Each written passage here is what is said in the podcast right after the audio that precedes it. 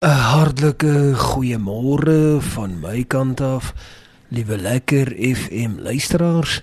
Wat 'n groot eer en werklik 'n baie groot voorreg om vanmôre met jou te kan gesels om die saak van die Here in jou midde te kom los. En vanmôre is daar sekerlik nie 'n groter eer as om saam aan die tafel te sit van die Here. En wat 'n voorreg om te weet dat die Here hierdie einste tafel waarby ek en jy gaan sit, dat hy hierdie einste tafel dek voor jou teestanders. En jy weet, 'n mens kan dalk dink, wat beteken dit? As ons mos nou daar gaan lees in Psalm 23, sal ons nou duidelik onthou dat hy praat spesifiek van die Here wat 'n tafel dek voor jou teestanders. Ou vanmôre wil ek dit vir jou duidelik maak te midde van slegte omstandighede. Te midde van die feit dat jy miskien dalk baie negatiwiteit en baie opstand in jou lewe het. Te midde van die feit dat daar baie verskillende soorte moeilikhede is waarmee jy moet deel. Jy sê dalk vanmôre vir my jy ken die helfte daarvan nie eers nie. Ek is seker daarvan as jy vir my dit moet neerskryf sal dit 'n hele bladsy vol wees. As jy vir my sê dit is waarmee jy deel, dan wil ek vir jou sê dit is dan nou die voorbeeld. Die Here dek binne in hierdie einste omstandighede 'n tafel En hy sê te midde van die feit dat dit voel asof die wêreld om jou in mekaar intuimel. Te midde van die feit dat jy miskien dalk later iets gaan moet doen of iets gaan moet bywoon wat jy regtig 'n holkol op die maag het om te doen. Jy sit dalk vandag in 'n baie moeilike omstandigheid. Sê die Here kom sit aan en ek wil hê jy moet weet dat ek is met jou en hy dek die tafel. Al is dit asof dit voel alles val in mekaar in. Al is jy daar in die dal van die doodskade weer. En dit voel vir jou as jy so rondom jou kyk dat die berge op jou wil neertuimel dan sal die Here daaronder in daardie dal vir jou 'n tafel dek. En mag ons dit werklik vir ons vat en dit ons eie maak in hierdie spesifieke dag. Mag die Here elkeen van ons wat vanmôre luister na die saak van die Here en erns daarmee neem en dit in ons harte bewaar en ons omgord met die saak van die Here. Mag hy jou seën ryklik. En ek wil jou vra om jou Bybel vir my te gaan haal en ek wil graag vir jou lees hier uit die tweede boek van die kronieke hoofstuk 12 en wil ek graag vir jou vers 1 tot en met vers 5 voorhou. En as jy dit saam met my kan lees en sommer daar die datum neerskryf en notas daar in die openinge maak soos wat die Heilige Gees lei, dan sal dit ook 'n baie goeie idee wees. Bring vir my jou Bybel, 2 Kronieke hoofstuk 12 vanaf vers 1 tot en met vers 5 en dan gaan ek dit saam lees en dan gaan ek vir ons vra dat die Here hierdie woord seën en van daar af net so 'n paar gedagtes in hierdie oggenduur met jou deel. Kom ons sit net so en kom ons lees die woord van die Here saam. Baie baie interessant. En toe Rehabem die koning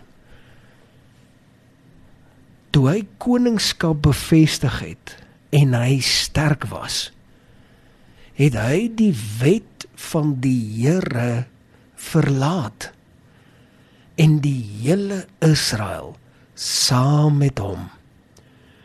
Toe het Sisak die koning van Egipte in die 5de jaar van koning Rehoboam teen Jerusalem opgetrek omdat hulle ontrou teenoor die Here gehandel het met 12000 strydwaans en 60000 perderyters en ontelbaar was die manskappe wat saam met hom uit Egipte gekom het Libiërs, Sekite en Kisite en hy het die versterkte stede ingeneem wat aan Juda behoort het en tot by Jerusalem gekom. Daarop kom die profeet Semaja na Rehoboam die koning en die owerstes van Juda wat van wie Sisak in Jerusalem bymekaar gekom het en sê vir hulle so spreek die Here. Julle het my verlaat. Daarom gee ek julle ook oor in die hand van die koning van Egipte. Tot sover die woord van die Here. Kom ons sit net so. Dan sluit ons die oë dan bid ons saam. Hemelse Vader Dankie vir u woord. Dankie dat u woord kragtig is en dat u woord verander. Here, ons weet u woord is kragtig en daarom wil ek bid dat u woord ons harte kom deurdring en deursuipel en dat u woord ons harte van klip kom verander in die hart van vlees en sag maak sodat ons luister wat u vir ons wil sê in Jesus naam. Amen. En amen. Baie baie interessant, liewe lekker FM luisteraar, hierdie skrifgedeelte. En ek wil hê ons moet nou vandag lekker deeglik en stadig praat en nog stadiger dink oor wat ons vanmôre hier lees. Hier lees ons van die profeet Semaja wat met 'n boodskap na die koning toe gekom het. Wat met 'n boodskap na Rehoboam. Rehoboam het koning geword na sy vader Salomo gesterf het. So hy was die seun van Salomo. En hy het uiteindelik koning geword en hierdie profeet het na hom toe gekom en het hom 'n boodskap gebring. Nou wil ek net hier wil ek nou baie mooi en stadig vir jou 'n voorbeeld noem. En ek wil jou vra, het dit al ooit in jou lewe met jou gebeur? Het dit al ooit met jou gebeur dat iemand iemand van iewers waar of sommer net vanuit nêrens uit opgedaag het en vir jou 'n boodskap gebring het. Nou moet ons ook baie baie versigtig wees want ons weet dat boodskappe is iets wat ook maar relatief is. Somstyds kan ons gewaar dat hierdie boodskap is teenstrydig met die woord van die Here. En dat ons ook maar self kan hoor by die Here wat die Here vir ons wil sê. Maar dan is daar ander geleenthede waar jy baie baie duidelik. Ek wil die woordjie gebruik glashelder. Kan sien dat hier is 'n boodskap van die koning van alle konings en dit kom in die vorm van iemand wat dit vir jou bring en jy besef dat die Here is deur in mens besig om met jou te praat. En hier is dalk 'n ware woord, hier is dalk 'n vermaaning.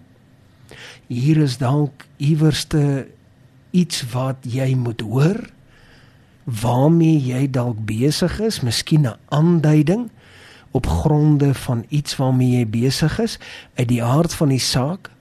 Hier besef ons dat dit 'n baie ernstige boodskap was en ons weet dat die profeet Semaja het direk vir Rehoboam die koning gesê die Here sê die volgende woorde julle julle het my verlaat en daarom sal ek julle oorgee nou Liewe lekker FM luisteraar, soms hoor ons, moet ons hoor dat jy die Here verlaat en jy het mense saam met jou gevat. Jy het nie noodwendig net jouself in die voet geskiet nie, maar jy het ook ander mense beïnvloed. Miskien vanmôre is dit dalk 'n baie ernstige woord wat moet afgelewer word diep binne in jou hart. En ek ken jou nie. Onthou vanmôre is daar op 98.3 by die duisende mense wat op hierdie oomblik luister na my stem. En ek weet nie waar jy is nie en ek weet nie jy's ingeskakel nie. En dalk net praat die Here met jou rondom 'n baie ernstige situasie. En dat dit so groot probleem is, die ontrouheid want dis presies die woorde wat wat hier gebruik is, snaaks genoeg hier in vers 2. Sê hy, toe het Sisak, die koning van Egipte in die 5de jaar van koning Rehabeam teen Jerusalem opgetrek. Hoekom? Hoekom het hy teen hulle vel getrek? Hoekom het hy teen hulle gaan oorlog verklaar en maak? Hoekom het hy na hulle toe gekom om hulle leed aan te doen? Omdat sê die woord, hulle ontrou teenoor die Here gehandel het. Liewe lekker FM luisteraars, ons moet vanmôre verstaan. Daar is nie plek vir ontrouheid wanneer dit kom by die saak van die Here nie. Jy weet ons doen dalk nie meer wat ons veronderstel is om te doen nie en ek wil dit nie te moeilik maak vir môre om te verstaan nie. Ek wil dit graag eenvoudig hou. Jy doen dalk nie meer wat jy aanvanklik gedoen het, die moeite wat jy aanvanklik gedoen het, doen jy nie meer nie. Ek onthou op 'n stadium baie baie jare gelede was daar 'n lidmaat by my gemeente. En ek onthou dat hierdie persoon het ons ongelooflik baie gehelp. As daar iets was wat rondgery moes word dan het hy opgedaag met sy bakkie met sy trokkie en hy het vir ons tafels en stoele al ewig vir ons gehelp daarmee en hy het toe naderhand sterker geword en meer geseënd in sy besigheid. Naderhand het dit baie goed gegaan.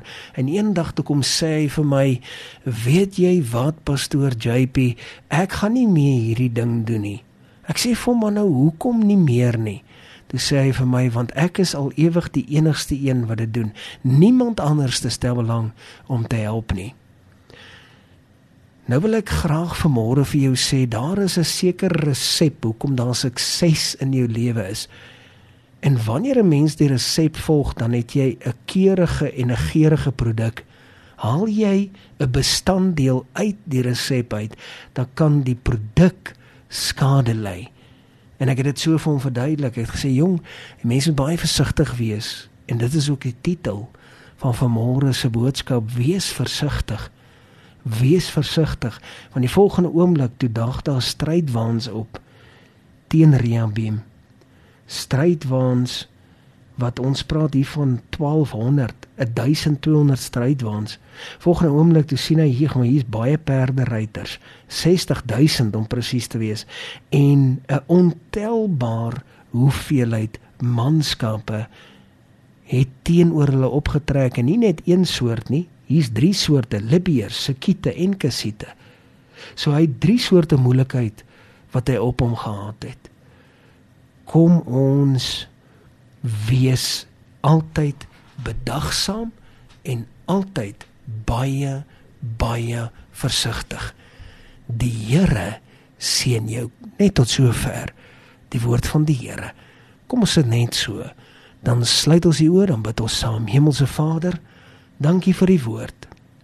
Dankie dat die woord ons vanmôre weer kom vermaan en ook op die regte pad hou.